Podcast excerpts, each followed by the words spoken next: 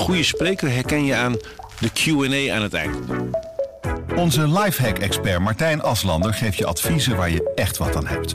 Beluister en bekijk Martijn of een van onze andere experts op businesswise.nl. Businesswise, het nieuwe platform voor iedereen met ambitie. Dit is de podcast Politiek Dichtbij. Met Tobias den Hartog en Thomas Brouwer. Sigrid Kaag maakt zich op voor een spannende partijbijeenkomst. Hebben de D66-leden nog voldoende vertrouwen in hun leiders? En wat krijgen de oppositiepartijen terug voor hun steun aan de plannen uit de voorjaarsnota? Dat en meer bespreek ik met Tobias den Hartog en Marcia Nieuwhuis. Ja jongens, het uh, reces zit erop, de vakantie is voorbij. We moeten weer aan de slag. Ja, het was ook echt, het was voor het eerst in lange tijd was het weer een echt reces. Er waren geen relletjes, geen, geen gedoe binnen partijen. Uh, er was politiek gezien, ging het gewoon echt het licht uit. Voorafgaand aan deze week heb ik nog een paar keer gebeld met wat uh, politiek adviseurs van partijen. Van joh, speelt er nog wat? Is er bij jullie? En iedereen zei nee, ik sta op een berg, ik sta op een camping, ik ben er niet. Uh, doe alsjeblieft de telefoon weg, ik wil het allemaal niet horen.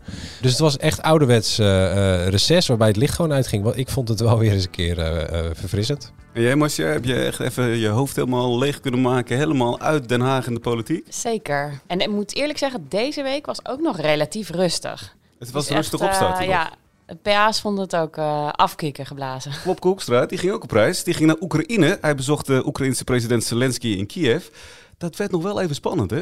Ja, nou ja, goed. Dat wil het, het, ministerie van Buitenlandse Zaken gaat er dan vervolgens natuurlijk ook geen geheim van maken dat, die, dat, dat er op enig moment een luchtalarm afging en dat Hoekstra in een schelkelder uh, zat. Dat draagt natuurlijk wel weer wat bij aan het stoere imago van zo'n onderneming. Hè, met zo'n soft shell jackie aan en uh, stevige bergstappers en een spijkerbroek gaat Hoekstra dan op pad.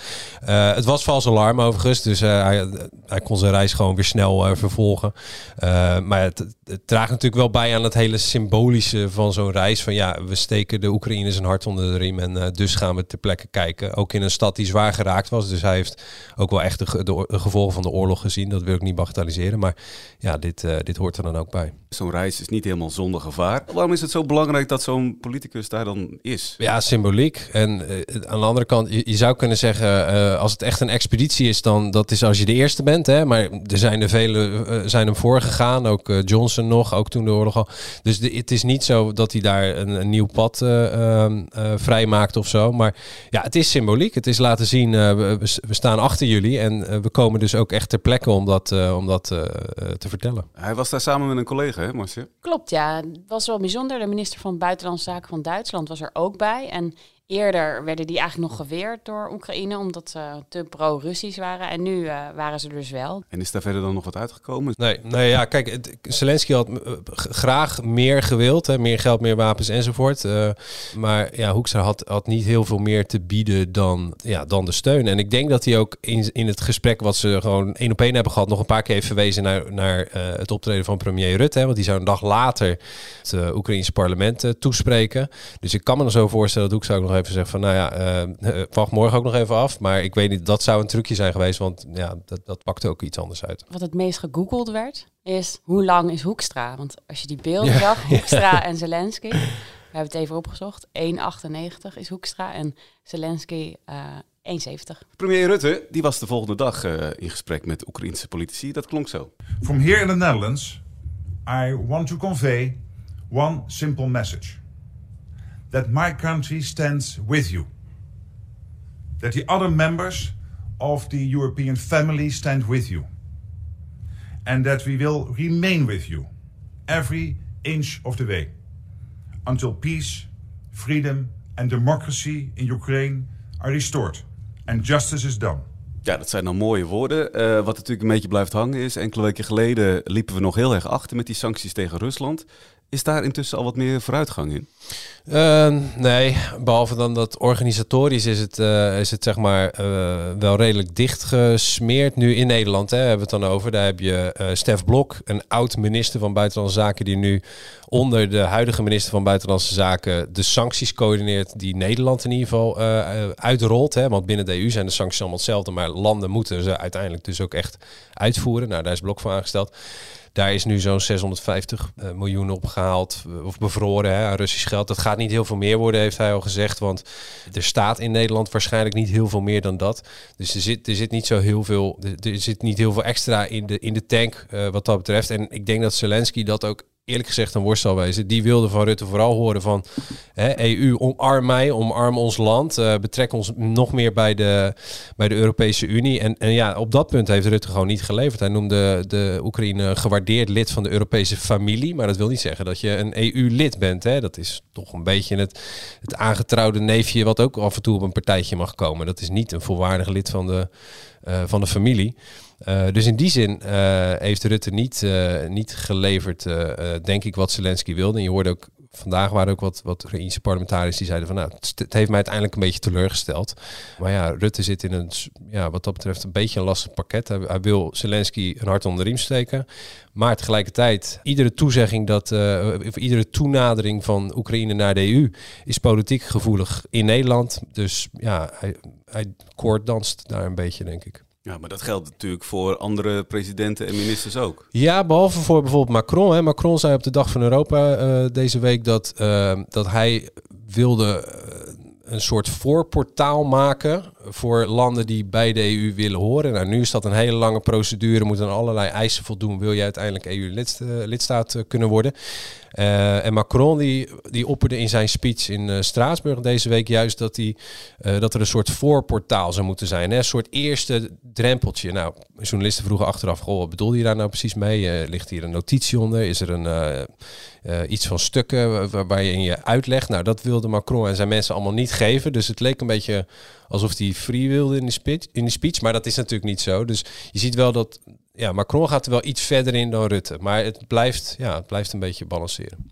Ik veracht uw woorden. Schaamt u zich eigenlijk niet? De bestuurscultuur, de nieuwe bestuurscultuur. Factionem cartellum. Doe eens normaal, man. Lekker zo, normaal. De woorden zijn teruggenomen. Dat ik bewuste uitspraak heb gedaan die ik heb gedaan. Ja, de meest opvallende uitspraak van de afgelopen week. Geselecteerd door uh, juryvoorzitter Tobias den Hartog. Uh, Tobias, wat is er deze week vooral opgevallen? Nou, dit, was bij een, uh, dit speelde bij het debat over uit huis geplaatste kinderen. Hè. Je hebt de, de toeslagenaffaire gehad. Een, een relatief groot deel van de, de, de kinderen die in de loop van de afgelopen vijf, zes jaar uit huis zijn geplaatst.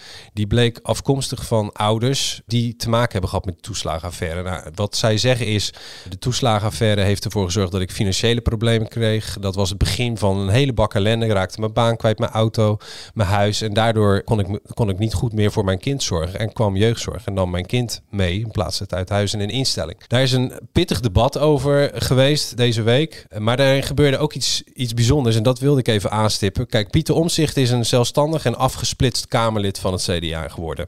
En op het moment dat je een afgesplitst Kamerlid bent, dan heb je uh, minder recht op spreektijd, minder recht op geld voor je medewerker. Je bent ja, een soort categorie B-Kamerlid, uh, uh, klagen ze dan wel eens. En die spreektijd, dat zit hem heel erg hoog. Want Pieter Omtzigt is bij uitstek iemand die die toeslagenaffaire heeft, nou ja, in ieder geval daarin heel veel heeft uh, ontmaskerd door vragen te stellen aan, uh, aan het kabinet. En zijn spreektijd bij het debat hierover bleek ja, heel beperkt te zijn. Nou, dan heeft hij een verzoek gedaan voor meer spreektijd. Maar ja, ergens stopt het een keer. Hè? Dus het blijft dan bij zes minuten en dan houdt het op. Maar er is wel een trucje je zou, doordat je vragen krijgt van Kamerleden, kun je natuurlijk nog eens een keer je verhaal doen. Want en daar moet je dan op ingaan. Precies, daar moet je dan op ingaan. En aan de hand daarvan heb je meer spreektijd. Dat, dat zijn gewoon extra minuten, dat zijn bonusminuten eigenlijk.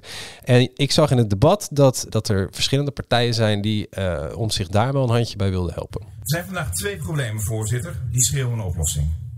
De ouders en de kinderen in het toeslagenschandaal. En twee, het systeem van huisplaatsingen op zichzelf. Daar is geen rechtsbescherming. En worden kinderen soms met een telefoontje uit huis geplaatst. Dat is een vraag van mevrouw Van der Plas, BBB. Ja, uh, dank u wel. Um, ook een goede vraag van uh, de heer Omtzigt, uh, zoals altijd. En een initiatiefnota met zeven aanbevelingen of oplossingen. Um, kan de heer Omtzigt die, dat toelichten? Heer Omtzigt. Ja, voorzitter. We hebben een factsheet gehad van onder andere professor Brunning. En die heeft in 15 pagina's laten zien hoe ons stelsel van. Een plek komen waar die signalen niet alleen gemeld kunnen worden, maar ook opgelost worden. Mevrouw van der Plas. Uh, ja, dank u wel. Dan nog even over dat meldpunt. Dat, dat, vind ik op zich ook wel een interessante. Hoe ziet de heer Omzicht zo'n meldpunt uh, voor zich? Heer Omzicht. Nou, in principe had het natuurlijk uh, bij een van de twee inspecties moeten zijn. Die hadden gewoon een meldpunt.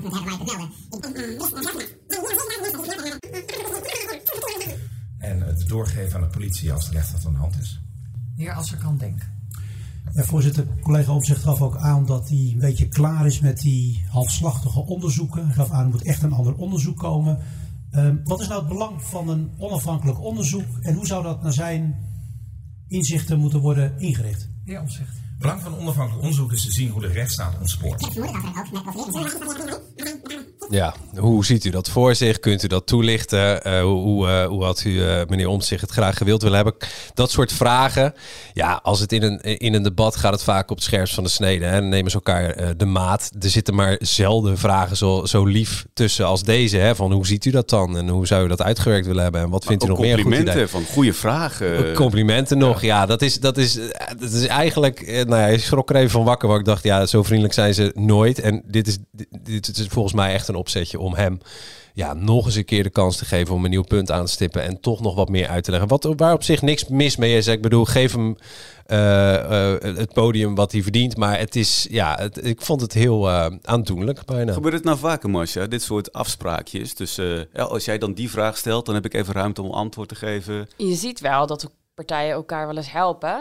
Uh, natuurlijk heb je sowieso, uh, kan je steun geven aan een voorstel om uh, ergens over te gaan debatteren. En dan kan je natuurlijk ook onderling afstemmen van nou, weet je, als jij ja. mij nou voor dit steunt, dan volgende keer ben jij aan de beurt. ja. Dus daar worden wel dat soort afspraken gemaakt. Zo. Ja, Kamerleden willen natuurlijk altijd graag zichtbaar zijn. dus als je elkaar een beetje kan helpen om zichtbaar te zijn, en zeker nu er in de Kamer maar liefst twintig fracties zijn, hè, dat is echt ongekend. Ja, dan moet je extra je best doen, denk ik, om aan uh, je spreektijd te komen.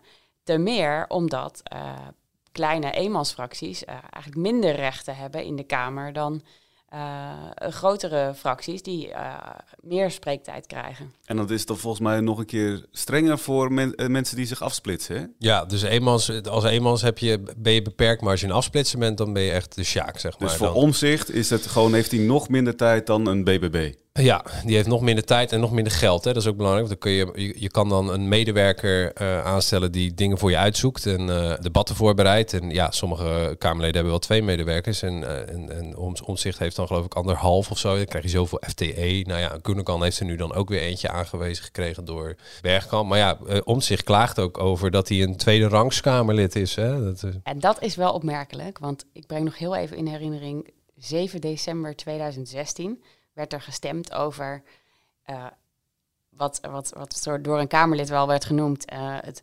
onrechtvaardige onderscheid tussen A- en B-Kamerleden.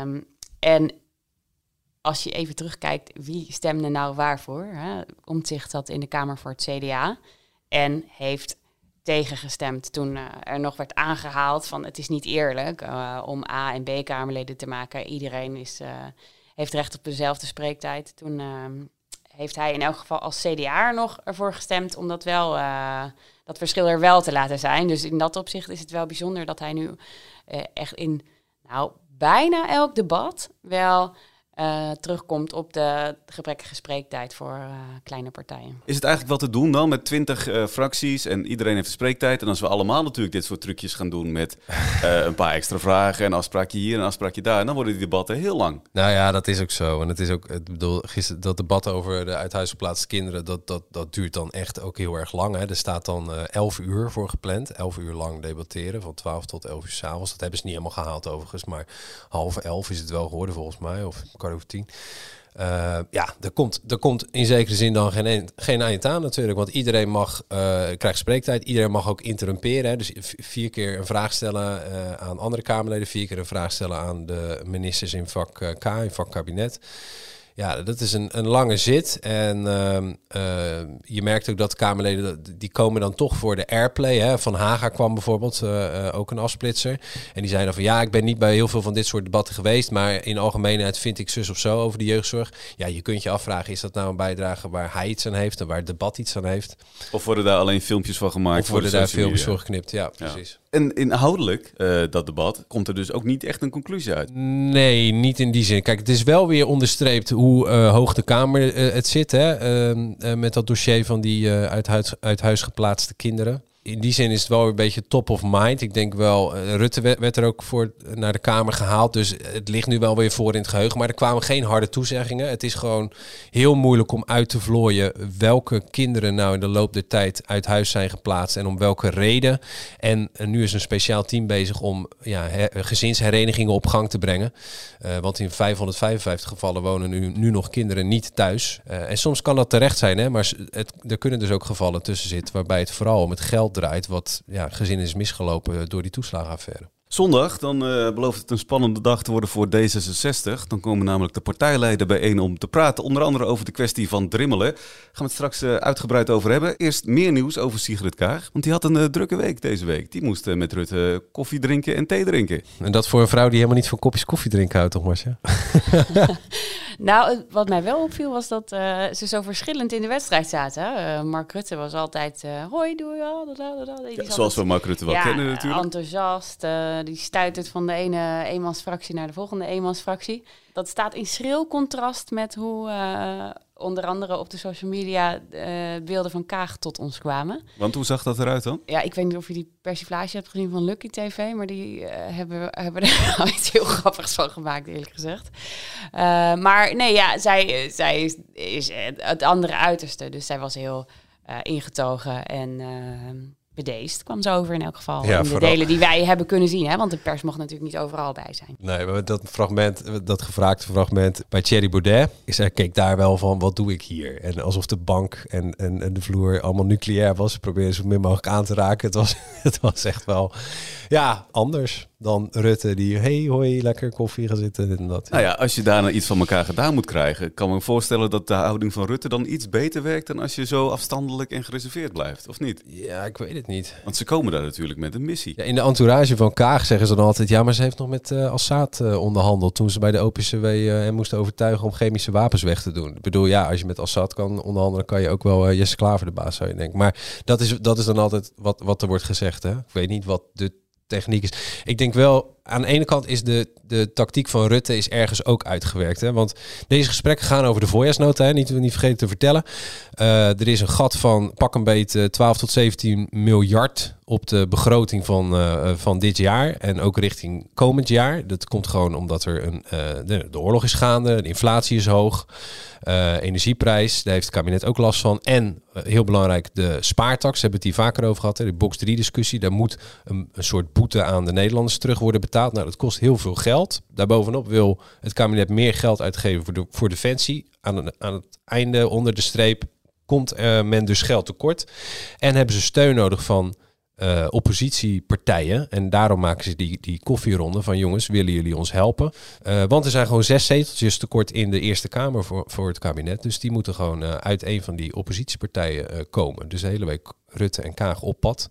Ja, ze gaan dan met iedereen in gesprek. Maar uiteindelijk zijn er eigenlijk de drie partijen die echt interessant zijn, toch, Marcia? Nou, de belangrijkste is eigenlijk Ja21. Omdat die samen met Nanninga werken in de Eerste Kamer. En daar een fors aantal zetels hebben. Zeven, um, geloof ik. Ja, dus daarmee kan het kabinet dan wel aan een meerderheid komen in de Eerste Kamer. En uh, dat is ook wat, wat ik wel achter de schermen hoor, inderdaad. Van uh, het kabinet is echt puur bezig om te zorgen dat ze in de Eerste Kamer ook een meerderheid krijgen. En uh, omdat er al geld tekort is, is het ook niet de verwachting dat er nou enorme toezeggingen zullen worden gedaan. Dus ze, ze zijn gewoon kopjes aan het tellen en aan het kijken of ze uh, tot die meerderheid kunnen komen, ook in de Eerste Kamer. Maar voor uh, dat jaar 21 meewerkt aan zo'n meerderheid, dan wil uh, Joost Eerstmans, de leider van de jaar 21, daar wel wat voor terug. Dit lijkt meer een, een, een algemene verkenning te zijn van, van ieders wensen. We hebben dat ook overlegd en duidelijk gemaakt waar we voor staan. En dat wij, wij iets anders willen dan binnen het coalitieakkoord blijven. Namelijk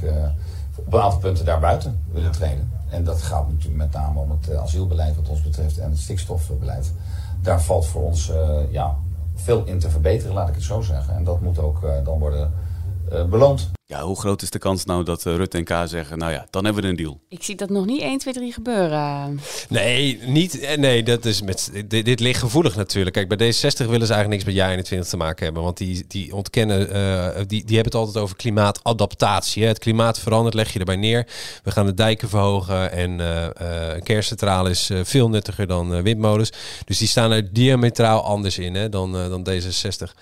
Maar ja, het is wel wat Marcia zegt. Het is gewoon kop, koppen tellen en dan heb je bij jij de 20 heb je er 7. Dus als het hen lukt, Joost Eerdmans uh, ja, toch te, te, te, verleiden tot iets, dan is dat een, een korte, korte route. En of Eerdmans daar echt gevoelig voor is, dat weet ik niet. Maar hij zei wel ergens van ja, kijk, dit, dit kabinet, dat is een trein die dennert ergens heen. Die bestemming is niet wat wij willen. Maar het is niet ondenkbaar dat wij toch een stukje van de route op de wagon springen en, en meedoen. Dus ergens houdt hij dat, uh, houdt hij dat wel open. Overigens, dat is. Eerdmans komt natuurlijk van uh, Forum voor Democratie. En dat is uiteengebarsten hè, tot in. Uh, de, dat is de groep van Haga. En dat is de partij van Henk Otte. Nou sprak ik Henk Otte en ik vroeg hem van. joh, jij kent Eerdmans een klein beetje enzovoort. Wat is, wat is jouw inschatting over of hij die onderhandelingen dan aangaat. En toen zei Otte van nou, geef uh, Eerdmans uh, een mars en een snicker en het is wel goed. Die is blij met wat spiegeltjes en kraaltjes en die zal bij het kruisje tekenen. Nou, of dat waar is, weet ik natuurlijk niet. Maar eh, ja, ergens denk je dat Rutte die hoop ook koestert in zijn achterhoofd. Maar nou ja. Wat zou de beste strategie dan zijn? Hè? Rutte en Kaag die springen zo'n zo'n kamer in van Joost Eerdmans. Hoe gaat zo'n gesprek dan? Hoe zou je zo'n man toch mee kunnen bewegen dat hij niet al te veel vraagt en toch uh, mee gaat doen? Als Rutte zijn vaste strategie uh, hanteert, die hij overigens ook bij journalisten uitgebreid uh, altijd toepast, dan begint hij eerst met een fijn compliment. Uh, waar, waar, waar hij echt Joost Eertmans helemaal lekker mee te pakken heeft. ja, wat zou een goed compliment zijn voor Joost Eertmans? Waar is hij gevoelig voor? Nou, als je zegt, goh, je hebt je partij wel aardig opgebouwd hè, na die uh, scheuring. Nou, goed gedaan hoor, zeg nou, dat zoiets. Dat verwacht ik als tactiek bij, uh, bij Mark Rutte. Dat is stap 1. En dan stap 2 is denk ik, nou, wat wil jij nou? Wat wil jij nou eigenlijk, Joost? Wat, wat zou jij... Kijk, wij hebben, wat, wat, wij hebben jullie nodig, maar goed, het gaat wat geld kosten. Maar wat wil jij nou? Nou, dan gaat Eertmans allemaal wensen op tafel leggen. En dan denk ik dat Rutte gewoon er eentje uitpikt die het dichtst bij dat van het kabinetsbeleid ligt. En zegt, hè, bijvoorbeeld op migratie. Uh, Eerdmans zei na het gesprek, nou, wij willen echt wat anders op stikstof en we willen echt wat anders op migratie. Maar op migratie kun je best wel wat cosmetische afspraken maken, hè, uh, zeg ik tussen aanhalingstekens. Waarbij je bijvoorbeeld zegt, nou, we gaan echt, uh, hè, we hebben bijvoorbeeld vrij veel last van migranten uit, uit veilige landen, hè, Marokko, Albanië. Je zou best kunnen zeggen, nou, uh, Joost belooft. Wij gaan nu echt een akkoord sluiten met Marokko. We gaan echt tot afspraken komen met Albanië. Kijk, ik weet niet of, uh, of Eerdmans er dan voor te porren is. Maar dat zijn dingen die je best wel kan toezeggen. En ja, dat, dat blijft dan altijd. Of je dat kan inwilligen is altijd een beetje diffuser. Dat ligt wat meer in de toekomst. Maar ja, goed, daar kun je wel misschien allebei mee thuiskomen met zo'n uh, afspraak. Een andere optie voor Rutte en Kaag is samenwerken met PvdA en GroenLinks. Die waren na het gesprek niet al te positief. Ja, het is een teleurstellend gesprek en het had meer, het had meer moeten zijn. Uh, als je ziet wel voor welke problemen Nederland staat, dan hadden we hier, dan had dit een ambitieus gesprek moeten zijn. Ik ben eigenlijk nog een beetje aan het kouwen ook op het gesprek, want ik had er eigenlijk wel echt wel wat van verwacht. Ik bedoel, het is de premier, het is de minister van Financiën, minister Kaag die langskomen. Ze doen een heel rondje.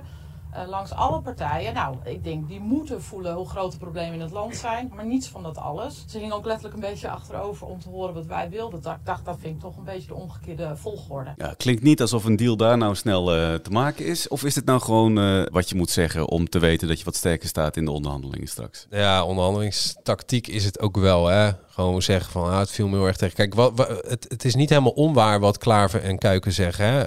Iedereen die het gesprek heeft gehad met Rutte en Kaag deze week, die zegt, nou, ze luisteren vooral naar wat wij willen voor Nederland. En dat hebben ze opgeschreven. Nou, we hebben niet teruggehoord wat, hoe, hoe zij nou denken dat ze dat gat op de begroting gaan dichten. En dat is ergens is dat niet helemaal eerlijk. Kijk, Rutte zegt ja, maar we hebben nog geen vast omlijnd plan. We willen juist input van de oppositie en dan komen we met een pakketje. Maar dat is niet helemaal waar. Want als je achter, achter de uh, schermen sprak ik deze week ook met CDA's en VVD'ers, die zeiden van ja, nou er is wel gewoon een pakket. Ik bedoel, wij hebben gewoon met de coalitiepartijen, met z'n viertjes, hebben wij gewoon een pakket klaar liggen. En als de oppositie dat zou lezen en ze zeggen, nou, uh, doen, uh, daar tekenen we voor, dan hebben we morgen hebben we die zetels bij elkaar en hebben we een soort akkoord. Uh, dus het, ligt er wel degelijk. Maar ja, het is ook uh, onderhandelingstactiek van Rutte om te zeggen: nee, het is nog niet af. Je mag echt nog je inbreng hebben. En het is ook tactiek van Klaver en Kuik om te zeggen: ja, maar dit valt me allemaal heel erg tegen. Terwijl ze eigenlijk hebben gewoon ja, ze hebben kunnen vertellen wat ze willen voor het land. Dus het, het hoort ook allemaal een beetje bij het spel, uh, denk ik. Ja, als we dan over rechts gaan, dan hebben we het dus over uh, asielbeleid en uh, stikstofbeleid. VVD ja. 21. Wat zou dan het wisselgeld voor PvdA GroenLinks zijn? Ja, minimumloon. Die willen heel graag minimumloon omhoog. En dat is echt, maar dat kost tientallen miljarden. Dus eh, als je meer gaat verhogen dan uh, dit kabinet al van plan is, dat kost echt 25 miljard geloof ik uit mijn hoofd. Uh, dus dat is echt, dat is fors. Dus dat, dan maak je het probleem, dat kun je wel uitsmeren over een aantal jaren hoor, maar dan maak je het probleem niet direct kleiner mee. Dus dat is wel een hele dure eis gelijk. Nou, de, onder die hoofdeis, hè, want die hebben ze ook publiekelijk uitgesproken, heeft Kuiken gedaan. Daar zullen ongetwijfeld ook nog wel wat uh, meer reële eisen liggen. Maar die hebben ze nog niet uh, geformuleerd. Het gaat wel over een eerlijker Nederland en meer vermogensbelasting en dat soort dingen. Dus wat algemene termen. Maar wat ze precies willen is ook nog niet helemaal. Ja, zij leggen dat natuurlijk ook niet helemaal op tafel. En als je, als je dan even het uh, hoofd van Kaag en Rutte kruipt, neigen zij dan iets meer naar links of naar rechts? Nou, ik heb wel uh, met uh, VVD-bronnen gesproken en die wijzen die in elk geval die verhoging van het minimumloon van 40%, wat inderdaad 25 miljard kost. Die, wij zijn elk geval meteen naar de prullenbak van ja, dat is zo duur, dat, dat gaat hem in elk geval niet worden, want er is al geldtekort. Dus ik, dat lijkt mij niet een, uh, een, weg die makkelijk bewandeld zal worden, aangezien de VVD de allergrootste is. Uh, dus dat zie ik niet als, een, uh, als, als iets wat 1, 2, 3 geregeld is. En in dat opzicht kan het ook gewoon eerlijk zijn hè, van GroenLinks en de PvdA dat ze een beetje teleurgesteld waren. Omdat die misschien ook al wel proefden van nou, dat, zit er dus helaas niet in. En hoeft het niet alleen maar onderhandelingsstrategie te zijn. Op die uh, spaartax na verwacht ik niet dat er uh, heel erg grote dingen nu komen. Ik heb ook een rondje langs de velden gemaakt, VVD, CDA, D66. Uh, maar iedereen zegt eigenlijk van nou, je moet niet er rekening mee houden dat er een enorm akkoord ligt straks ineens. Kijk, er zijn ook later in het jaar nog meer momenten waarop er besluiten kunnen volgen. Dus bijvoorbeeld in het najaar, bijvoorbeeld in december. Um, dat we nu nog niet op hele grote. Maar dat er alleen een deel komt over die spaartax en dat dingen als uh, defensie bijvoorbeeld op langere termijn worden opgelost. Dat kan. Er is wel een deadline op 1 juni. Hè. 1 juni moet de voorjaarsnota worden ingeleverd. Maar de voorjaarsnota is ook niet meer dan een mooie brief. Waarin staan wat je, staat wat je van plan bent. En wat Marcia zegt klopt. Er is gewoon een harde deadline uh, voor die spaartax. Hè. Dat, is gewoon, dat moet geregeld worden, heeft de rechter besloten. Maar de rest, ja, er hoeft niet di direct de, de, ja, de, de boel voor op de schop. Ze hoeven nog niet de pinpas te trekken voor Defensie. Dat gaat echt, dat kun je over een paar jaar verdelen. Dat geld kun je opbouwen. Ieder jaar een tientje meer opzij, bij wijze van spreken. Dus ja, dat hoeft niet op stel een sprong. Maar het, is, uh, het, het lastige is wel, en dat, dat zeggen de oppositiepartijen ook, van ja, ik ga niet ja zeggen tegen de spaartax als ik niet weet wat ik krijg op iets anders. Hè.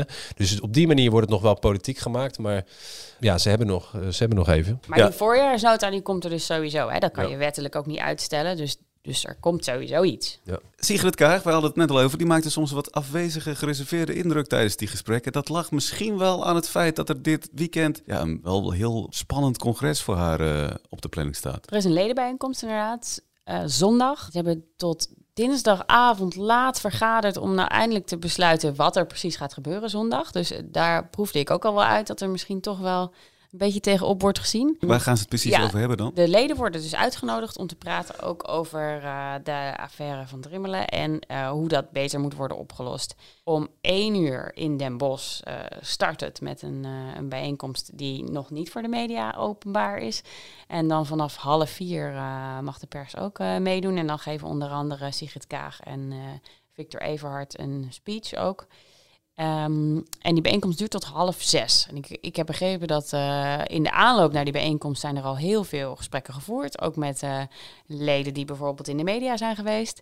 Uh, dus er is echt wel veel tijd en energie al in dit onderwerp gaan zitten, als ik het zo beluister. Want even kort, hè? die hele affaire van Drimmelen. Hoe, hoe zat het nou precies? Nou, eigenlijk begon het ermee dat de partij heel afwachtend heeft gereageerd. de partij heeft gezegd van nou... Uh, volgende week donderdag uh, komen we bij uh, elkaar en dan geven we in een persconferentie allemaal antwoorden. Nou, die persconferentie, dat was echt de roast van het afgelopen decennium. Of misschien zelfs wel de afgelopen decennia. Ik ben meerdere journalisten over gehad, maar zo'n persconferentie hebben we zelden gezien. Daar kwamen ook niet alle antwoorden naar voren die je graag had willen hebben. Hè. Er waren allemaal, er waren liefst 700 D66-leden die hadden gezegd van ja We willen eh, meer antwoorden boven tafel over die kwestie van drimmelen en hoe dat is opgelost. Waarom is er niet meteen iets gedaan? Hè? Waarom is dat pas gebeurd nadat de Volkskrant er een publicatie over had gemaakt? Nou, daar eigenlijk op een deel van die vragen kwam nog steeds geen antwoord in die persconferentie. Dus uh, daar zijn leden boos over en die willen daar nog over doorpraten. En dat gebeurt dus deze zondag. Ja, wat dit natuurlijk extra pijnlijk maakt. Hè? Die van Drimmelen, een prominent D66er, die zou een andere D66-lid hebben gestalkt. En Kaag is toch wel de vrouw die juist zou opkomen voor vrouwen, die op zou komen voor vrouwenrechten. En die heeft dit toch een beetje laten gaan. Dat is super pijnlijk, hè? waar uh, de VVD echt de partij is voor de autobezitter, het CDA opkomt voor de boerenbelangen. Denk je bij D66 echt als vrouw, uh, daar ben ik aan het juiste adres, hè? die komen op voor, voor vrouwenrechten. En dat dat in dit geval niet is gebeurd, dat is super pijnlijk. Want Kaag zelf zegt in de ene na de andere speech: wees niet stil. En uh, ze zei zelfs: er is een plekje in de hel voor vrouwen die niet opkomen voor andere vrouwen. Ja, dat heeft zich natuurlijk als een boemerang in haar gezicht weer uh, teruggekeerd. Want ja, zij is stil geweest. Waarom ging D66 pas iets doen nadat de Volkskrant publiceerde? Ja, die vraag is eigenlijk nooit beantwoord. Ja, en vandaag heeft een hele grote peiling gehouden onder zowel de kiezers als de leden. En je ziet dat de, de kiezers echt af zijn gehaakt uh, voor een deel. Uh, dus het aantal zetels is gedaald naar inmiddels 14. dat is natuurlijk toch aanzienlijk minder dan de ruim 20 die ze nu in de Kamer hebben. Um, en ik denk dat dat vooral ook zit in mensen die bijvoorbeeld uh, oorspronkelijk misschien Partij van de Arbeid stemden of GroenLinks, maar die dachten, nou, Kaag met haar nieuwe elan en uh, ik wil wel een vrouw als premier, dat uh, trekt ja. me ook wel. En dat hoor ik ook wel van kiezers om me heen die zeggen van, ja, ik baal er toch wel van en zal ik mijn stem echt niet verdienen en ik ga echt zeker nooit meer op haar stemmen. En um, terwijl, als je kijkt naar die peilingen, de D66 achterban, dus de D66 kiezer, is echt niet zo heel erg ontevreden over Kaag. Hè. 59% vindt nog steeds dat zij uh, steun houdt als leider. Ondanks en, de rol in deze ja, hele affaire. Ondanks dat. Uh, dat is een peiling die daar nog na die persconferentie is uitgevoerd. Uh, en als je kijkt naar de D66-leden, dus de mensen die echt lid zijn, daar is het zelfs nog hoger. Die zeggen nog steeds 84% voor Kaag. Dus uh, wat dat betreft denk ik niet dat Kaag zich persoonlijk erg zorgen hoeft te maken um, voor die bijeenkomst van zondag. Want onder de D66-kiezers en leden, ik bedoel zelfs onder de mensen die uh, die petitie hebben gesteund van uh, ruim 700 mensen die vonden dus dat er meer boven tafel moet komen over deze hele affaire. Zelfs daar, de initiatiefnemers daarvan die zeggen al van nou we vinden niet dat er koppen hoeven rollen en daarmee los je dit niet op. En we willen gewoon dat er goed geluisterd wordt en zo. Dus dat is ook volgens mij wel waar de partij nu mee bezig is. Die hebben echt, um, wat ik begreep, echt veel leden ook gesproken. Ook um, mensen die zich in de media hebben geuit, die hebben ze daarna ook nog weer gebeld. Die, die zijn gesensibiliseerd. Niks meer zeggen. Ja, maar die zijn gesensibiliseerd. Dat is on onzicht uh, destijds. Van, uh, dan is er gevraagd van, joh, wat wil je horen? Of wat, wat is, hoe is dat? Ja, of hoe vind je dat we de, de organisatie oh, moeten doen ja. van zondag? En ja, ja. Uh, denk dus met ons mee. Uh, wat natuurlijk ook wel een tactische zet is. om mensen mee te laten denken. Want dan maak je hen zelf ook eigenaar van dit probleem. En dan, nou ja, kunnen ze misschien ehm, in elk geval uh, naar buiten toe minder makkelijk heel erg kritisch zijn naar de partij. Ja, sowieso in die eerdere bijeenkomsten, voor de grote bijeenkomst, dat zei je al, daar mogen wij als media uh, niet bij zijn. Dat is ook niet voor niks natuurlijk. Dan zijn de scherpe kantjes er misschien al vanaf geveld, ja. voordat de camera's gaan draaien. Ja, wellicht. Ik, ik, ik, ken het wel van Forum voor Democratie. Die hebben ook altijd een besloten deel op de congressen. De VVD heeft wel eens besloten delen van het congres. Dan, dan weet je ook van, nou, dat wordt dan minder gezellig. Dan mogen wij niet bij zijn. Het is ergens ja, ik vind het niet zo heel erg chic allemaal. Maar ja, aan de andere kant, als dit de bijeenkomst wordt, als dit de dag wordt dat die, uh, die partijvoorzitter, hè, die uh, Everhard, als, als, zijn, als zijn kopper afgaat, zondag, dan zal dat in het openbare deel gebeuren, toch? Als er, als er iemand in het zwaard moet vallen om een dikke streep te zetten onder deze hele affaire, is hij het wel, toch? Ja en nee, want het is allemaal gebeurd onder het vorige partijbestuur. Uh, maar bij die persconferentie uh, zei hij zelf ook: Ja, ik heb dat rapport ook op mijn bureau gekregen toen ik aantrad. En dat was niet de allerbeste verdedigingslinie die ik ooit heb gehoord. Zeiden ja, maar ik had heel veel rapport op mijn bureau mm. toen. Ja. Dus ja, je, had, je kan natuurlijk ook zeggen, ja, er viel een lijk uit de kast. En je hebt het eigenlijk gewoon laten liggen. Ja, het stonk toch al op kantoor. Eh, Ja. Ja. Eh, je had wel dat, dat rapport over dat lijk wat uit de kast was gevallen. Dus misschien had je daar ehm, actiever mee om kunnen gaan. En eh, ook de vraag van eh, veel D66'ers die overbleef. Van ja, waarom hebben we eigenlijk niks gedaan? En zijn we pas na die actie van de Volkskrant in, eh, in, in actie gekomen? Ja, dat, dat is natuurlijk gek. Ja, en dat blijft waarschijnlijk toch wel ook wel aan Kaag kleven. Ongeacht wat, wat er zondag gebeurt. Het vertrouwen van de partijleden heeft ze dus al. Maar hoe krijgt ze buiten haar eigen kiezers zeg maar, dat, dat vertrouwen weer terug? Nou ja, je ziet aan eh, alle partijleiders die lang zitten, hè, en dat zijn er niet verschrikkelijk veel, want er zijn bij heel wat partijen zijn er wisselingen geweest, maar je hebt altijd wel incidentjes.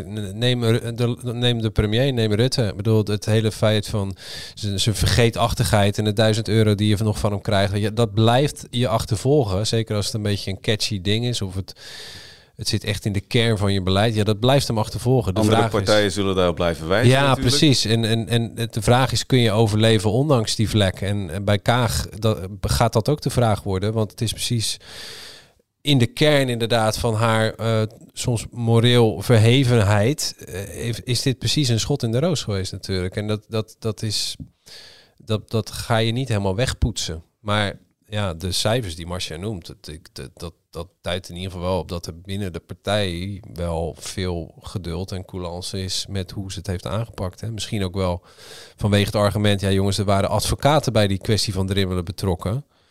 Dus ik kon er niet zo heel veel mee. Dat vind ik geen sterk argument, hè, maar dat ik, D66 is een partij van juristen, die slaan daar wel op aan. Die denken dan van, ja oké, als, het, eh, als het een juridisch conflict is, ja, dan moet je eruit blijven. Weet je wel, dus ja, misschien is dat begrip daar ook een beetje nog extra op gestoeld. En ja, dat gaat alleen niet werken bij de kiezer. Dus daar, is- daar is gewoon tijd nodig en, en hopen dat ze, het, eh, dat ze het je niet aan blijven rekenen. Maar ze heeft nog even, hè. de verkiezingen zijn nog ver als het goed is. Dus eh, Misschien zijn we het tegen die tijd allemaal vergeten. nee, dan, gaan wij, dan ga jij er wel aan herinneren. Ga je haar eraan herinneren? Weet je nog? Nou ja, wat wel nog interessant is, is er zijn eh, ook meerdere gesprekken gevoerd met ehm, leden.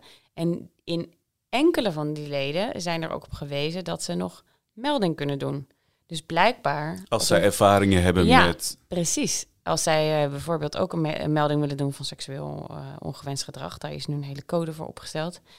Ehm, de partij wil niet zeggen hoeveel mensen dat waren, nog wat de aard van de meldingen was. Oh. Eh, maar eh, er zijn in elk geval dus enkele leden op gewezen. Ehm, dus wie weet, ja, komt er nog meer uit. Sowieso blijft dit nog wel eventjes eh, gaande, want eh, de dame in kwestie heeft dus een, een, een procedure aangespannen, dus daar eh, kan nog iets uitkomen. Ehm, en ja, het blijft het dus nog wel eventjes een prominente kwestie voor de partij. Dit is ook na zondag nog niet voorbij, hoor ik al. Tot zover deze aflevering van Politiek erbij. Vind je dit nou een leuke podcast? Abonneer je dan vooral. Dat kan via Spotify of Apple Podcast. En volgende week, dan zijn wij er weer. Tot dan!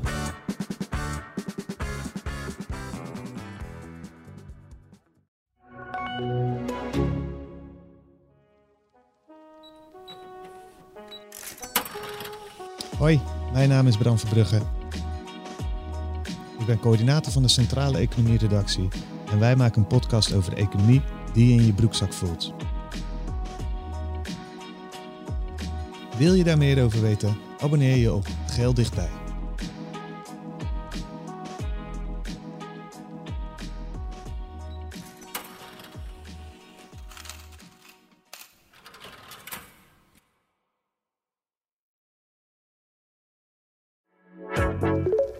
Spreker herken je aan de Q&A aan het eind. Onze lifehack-expert Martijn Aslander geeft je adviezen waar je echt wat aan hebt. Beluister en bekijk Martijn of een van onze andere experts op businesswise.nl. Businesswise, het nieuwe platform voor iedereen met ambitie.